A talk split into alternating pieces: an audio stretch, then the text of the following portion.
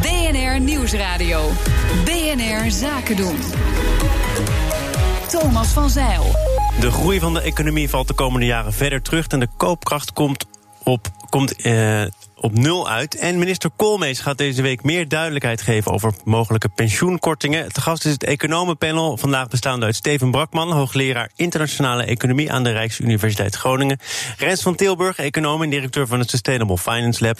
En Martin Visser, econoom en financieel journalist bij De Telegraaf. Mijn zakenpartner is Jacqueline van de Ende van Peak Capital. Welkom allemaal. Ik denk dat het gepast is om te beginnen met een eh, reactie op de middellange termijn verkenning van het Centraal Planbureau. Eerder vandaag vanochtend uitgekomen met wat eh, harde noten. Een teruggevallende economische groei, 1,1 procent. Koopkrachtplaatjes in de buurt van nul. Rens, uh, zat er voor jou echt een enorme verrassing in? Um, nou, wat ik er zo snel van gezien heb, uh, niet. Um, kijk, wat, wat, wat ik interessant vond, is dat ze zeggen uh, voor de eerste keer eigenlijk in, zolang het CPB dit soort voorspellingen doet, um, gaat de komende jaren het aantal mensen wat in de werkzame beroepsbevolking zit, gaat afnemen. maar ja, dat heeft gewoon met de vergrijzing te maken. Dus het is interessant dat we dat omslagpunt nu gaan hebben. Ja, en dat soort dingen die dempen natuurlijk een beetje de, de groei. maar echte verrassingen zitten er natuurlijk niet in. Want dit zijn vooral ja, trends die worden doorge getrokken. De demografische ontwikkelingen die je eigenlijk al jarenlang ziet aankomen. Dat die vergrijzingspieker een keer aan zal te komen rond 2020. Ja.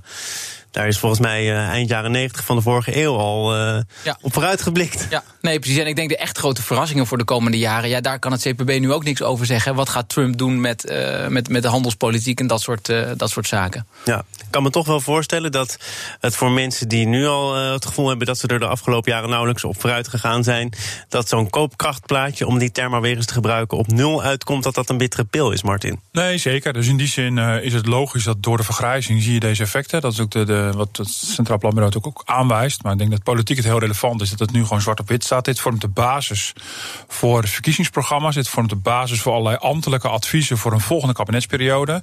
En je ziet dat het volgende kabinet zit met een erfenis uh, van een koopkracht van nul. Stijgende pensioenpremies, stijgende zorgpremies.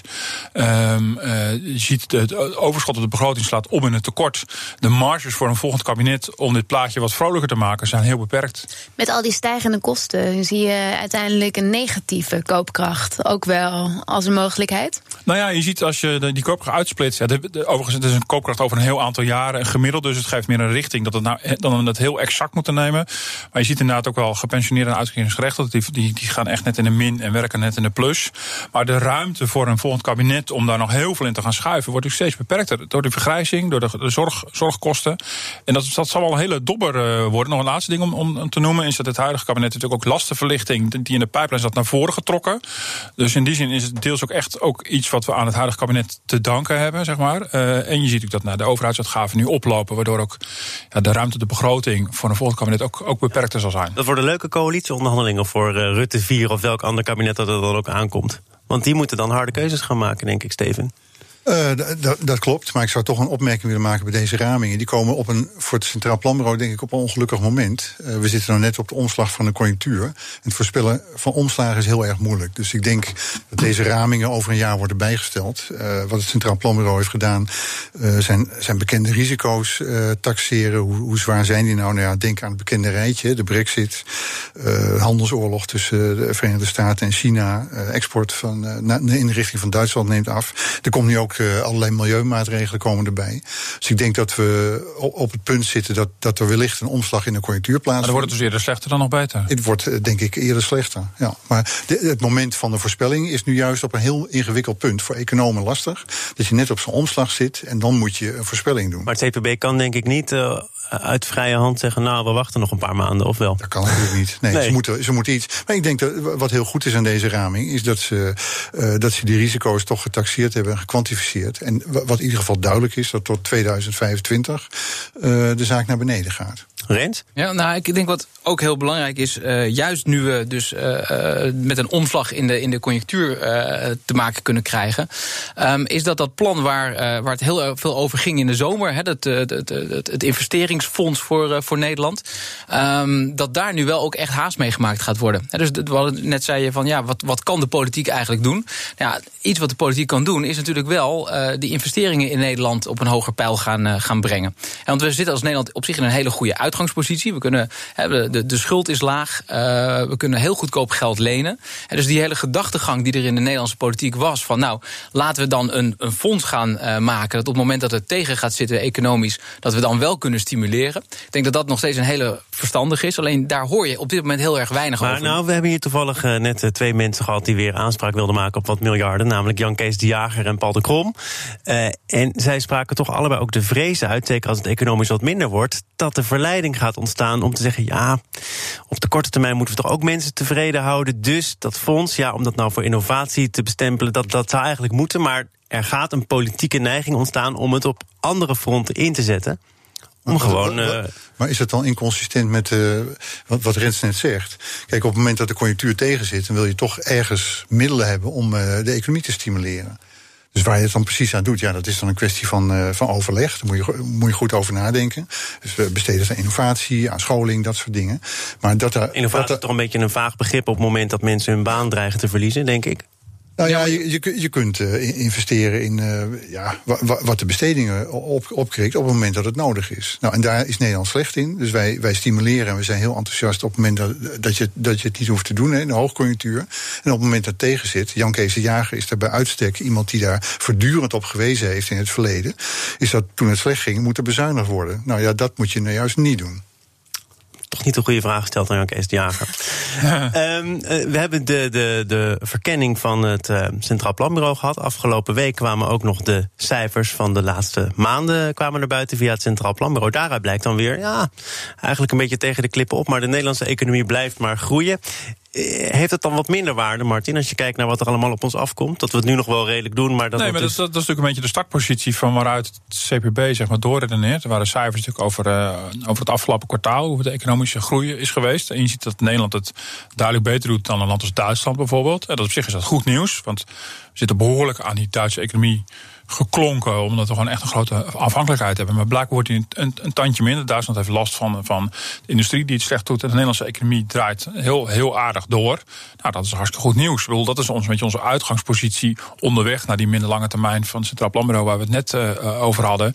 Dus in die zin is het ook niet alleen maar uh, ach en wee en allemaal reuze slecht. En uh, er is geen recessie in beeld, voor zover we dat kunnen voorspellen natuurlijk. dus die, die, die, die disclaimer moet je er ook weer bij maken. Maar Nederland doet het dan, gezien in Europa, toch heel, heel behoorlijk. En dat is, nou, op zich is dat goed nieuws. Ik zei net uh, CPB, ik bedoelde CBS, want die hebben de cijfers van het derde kwartaal bijgehouden. Maar daaruit blijkt ook wel dat ondernemers al een tijdje wat minder appetite hebben om te investeren. Dat die de toekomst met wat minder vertrouwen tegemoet zien. En dan kom je dus uit op dat scenario van het Centraal Planbureau. Dat het dus gewoon minder wordt. Ja, dat denk ik wel. Als je kijkt naar producentenvertrouwen, dat is een goede indicator. Dus uh, die, die, bereikt een piek uh, begin vorig jaar, hè, februari 2018. En sindsdien is het eigenlijk alleen maar uh, minder geworden. Nog steeds positief. Dus producentenvertrouwen is positief. Maar de, de mate van positiviteit die is duidelijk afgenomen. Ja. Dus ook, ook de, de ondernemers zien toch donkere wolken verschijnen. Of het, of het echt gaat regenen, dat, dat, dat, dat weet je dan niet. Ja, er wordt ook al heel lang gewaarschuwd. Hè. We hebben nog steeds gezegd van ja, de, de grote bedrijven van onze economie komen vooral uit het buitenland. De onzekerheid van Brexit, de handelspolitiek van, van, uh, van Trump. Nou ja, dat is een mantra dat steeds weer terugkeert. En ja, iedereen is natuurlijk bang, zeker bedrijven zijn bang. Van, nou, daar komt misschien een, een, keer een klap van. Maar dat weet je natuurlijk helemaal niet zeker of dat gaat gebeuren. Maar dat hangt wel steeds als een dreigende wolk boven de economie. Ja, maar we, als er een zonnestraaltje doorkomt, dan melden ja. wij dat hier ook altijd. En dan ja. zie je beursreacties en dan zie je nou het optimisme neemt weer toe. Ja. Uh, moeten we er eigenlijk gewoon helemaal niet op, op dagelijkse basis naar kijken? Nou ja, op dagelijkse, basis, dingen dag, dagelijkse basis lijkt me. Bedoel, ja, moeten we, ik kan bijna niet anders, Martin. We moeten wel het nieuws blijven volgen, want anders dan worden jij en ik natuurlijk brodeloos. Nee, maar, maar, we moeten niet ons op dagelijkse basis druk maken over of de economische groei nu wel of niet goed gaat. Dat nee, niet, maar wel de... bijvoorbeeld zo'n zo'n Kutlo die dan vrijdag weer zegt: ja, nee, de Verenigde Staten en China, het zijn, we zijn er bijna uit. We naderen elkaar nu toch ook echt. Ja. De week daarvoor was er ook optimisme. En dat slaat dan weer om in: nou ja, nee, god, die toenadering. We moeten nog maar kijken of dat allemaal gaat gebeuren. Vandaar dat die ramingen van het Centraal Planbureau zo nuttig zijn. Die kijken tot 2025. Ze hebben een aantal risico's uh, geïnventariseerd en, en uh, geven daar een oordeel over. Nou, het oordeel is, uh, er dreigt geen rampspoed, maar de groei die vertraagt. Nee, maar ja, jij hebt net wel al aangegeven dat jij verwacht dat er geen rampspoed dreigt, maar dat die ramingen nog weer naar beneden worden bijgesteld. Dat denk ik wel, maar dus, dat is mijn persoonlijke interpretatie van die risico's. En een rijtje hebben we net genoemd. Dus ik, ik denk dat het eigenlijk nog wel eens tegen zou kunnen vallen. Ja. Maar goed, we, we, eigenlijk het afgelopen jaar wordt voortdurend gewezen op, die, op het handelsconflict tussen China en de Verenigde Staten. En eigenlijk vallen de effecten voor de, voor de handel nog wel mee.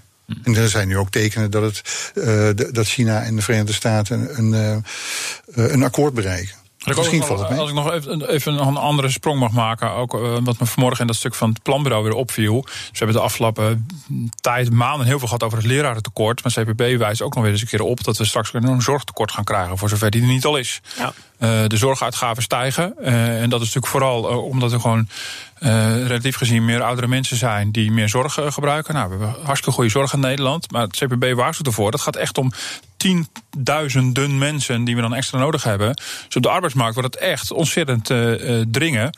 Uh, dus dat, vind ik, dat wordt dan niet in detail uitgewerkt, want daar gaat het stuk er niet over. Maar dat is echt nog wel een relevant ding van hoe komen we straks aan voldoende verpleegkundigen en andere zorgpersoneel. Dat lijkt me nog wel een. Over oudere mensen gesproken. BNR Nieuwsradio. BNR Zaken doen. De gast is het economenpanel, bestaande uit Steven Brakman, Rens van Tilburg en Martin Visser. Mijn zakenpartner is Jacqueline van den Ende. En Martin, ik wil met jou ook praten over pensioenen en oh, pensioenkortingen. ja, ja, toch? Ja, gelukkig. Ja. Heb je wel eens, wanneer was de laatste dag dat je niet over pensioenen sprak? In het weekend? Uh, zondag niet, geloof zondag ik. Met mijn vrouw. Nee, zaterdag nog weer wel. Nee, maar nee, deze week is natuurlijk de, de, de pensioenkortingweek. Waar we al een, heel lang naar uitkijken. Uh, Wouter Koolmees, minister van Sociale Zaken, moet onnodige pensioenkortingen voorkomen. Niemand weet dat het onnodig is. Elke korting voelt onnodig denk ik, voor de mensen die het treft. Maar morgen weten we het.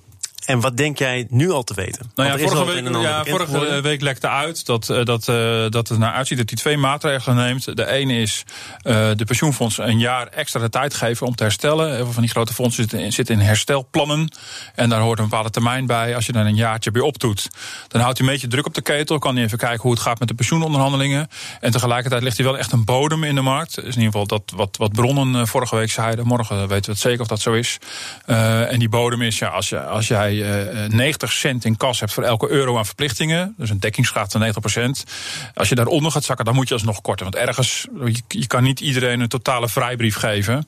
Nou, daar zitten de grote fondsen gelukkig allemaal boven. Die zitten nu allemaal, uh, al die grote fondsen zitten er nu allemaal boven. Dus als dit het wordt, zijn de grote fondsen gered als de financiële markten de rest van het jaar. Kan hij dat zomaar doen? Die fondsen nog een jaar de tijd geven? Of moet hij daarvoor ook weer aanspraak maken op een soort wet? Uh, dat is een wetsartikel. Ja, en je mag toch alleen maar doen in uitzonderlijke ja, gevallen? Uitzonderlijke economische omstandigheden. Uh, in, in samenspraak met, uh, met de toezichthouder Nederlandse Bank. En die zal dan zeggen: Nou, zo uitzonderlijk is het allemaal niet. Zegt de minister: Ja, het is heel uitzonderlijk, want anders gaat mijn pensioenakkoord naar de maan.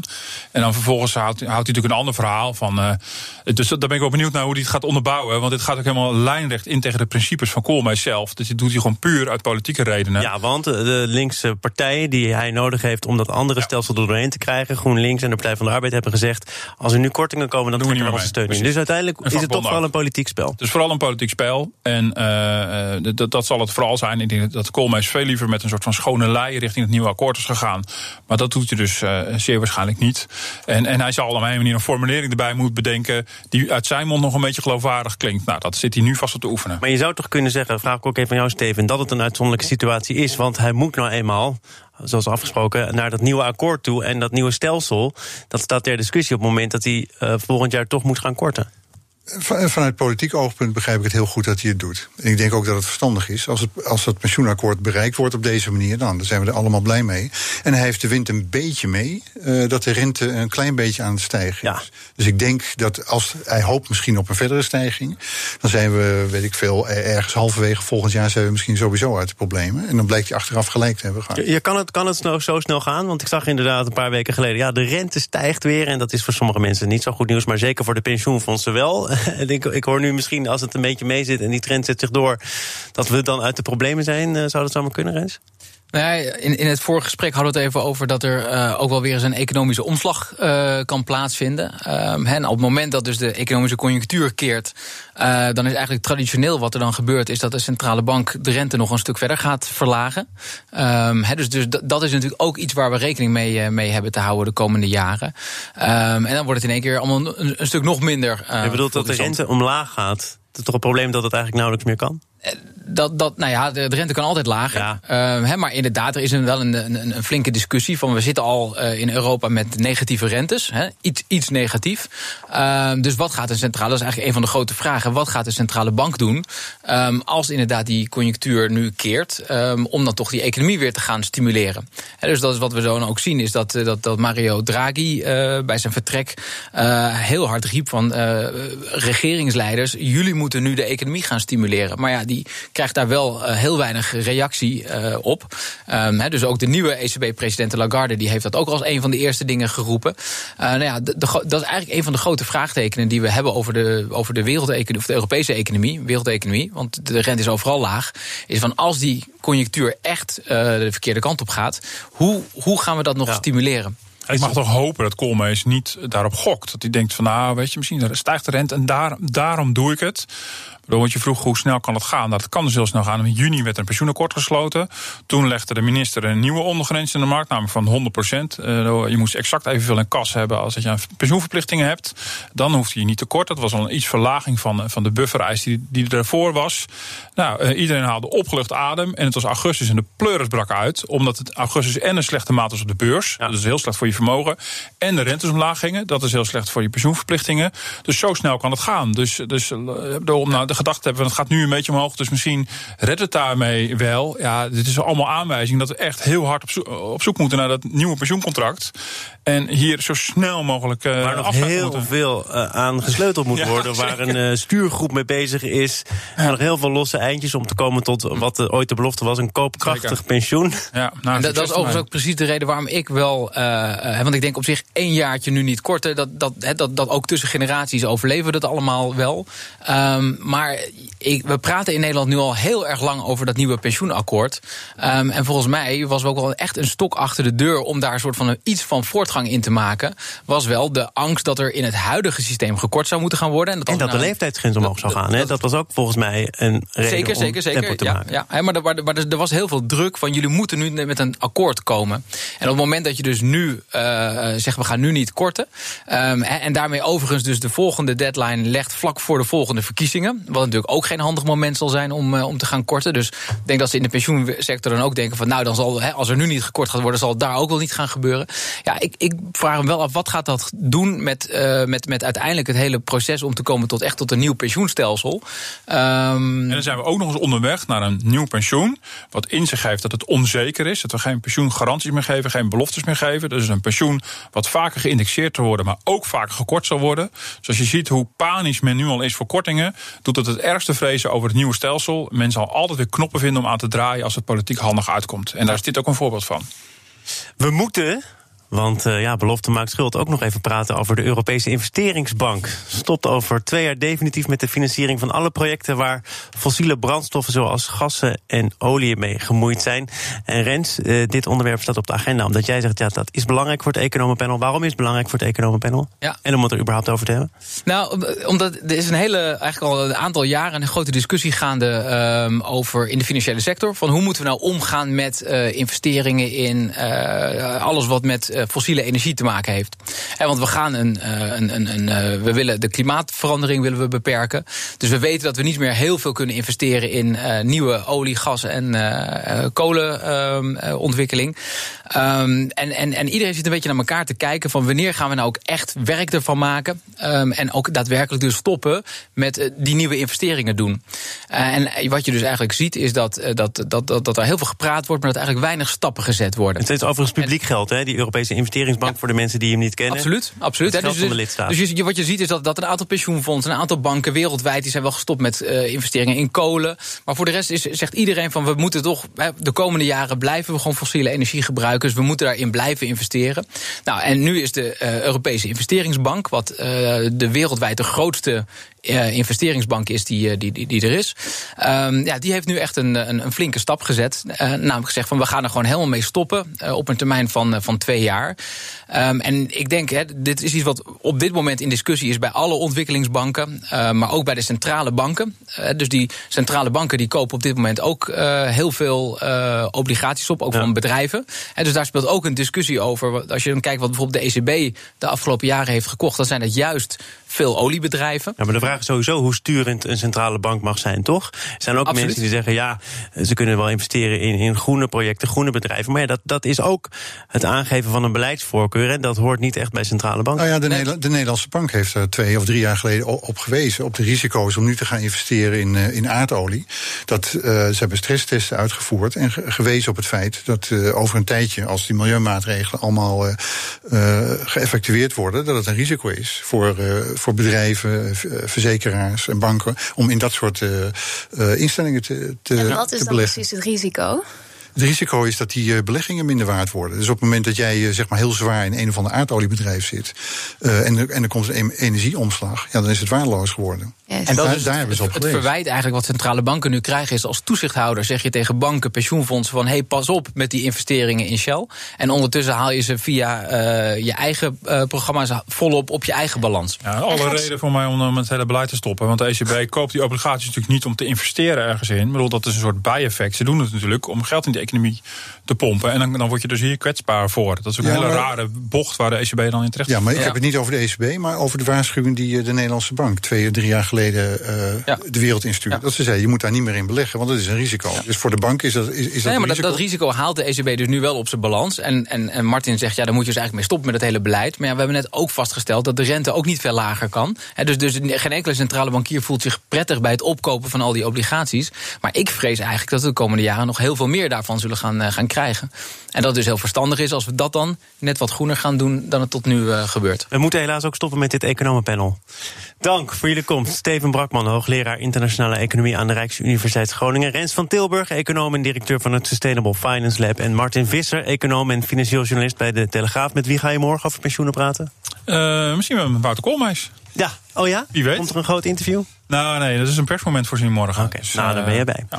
Jacqueline, ook fijn dat jij er was. Tot de je. volgende keer. Dit was het voor vandaag. Morgen dan is Ad Melkert te gast. Hij is de voorzitter van de Nederlandse Vereniging van Ziekenhuizen. En het wordt een drukke week, want woensdag dan is de grootste ziekenhuisstaking ooit. Morgen meer daarover in BNR Zaken doen. Zometeen eerst Nieuwsroom, onze dagelijkse podcast van het FD en BNR. Veel plezier, tot morgen.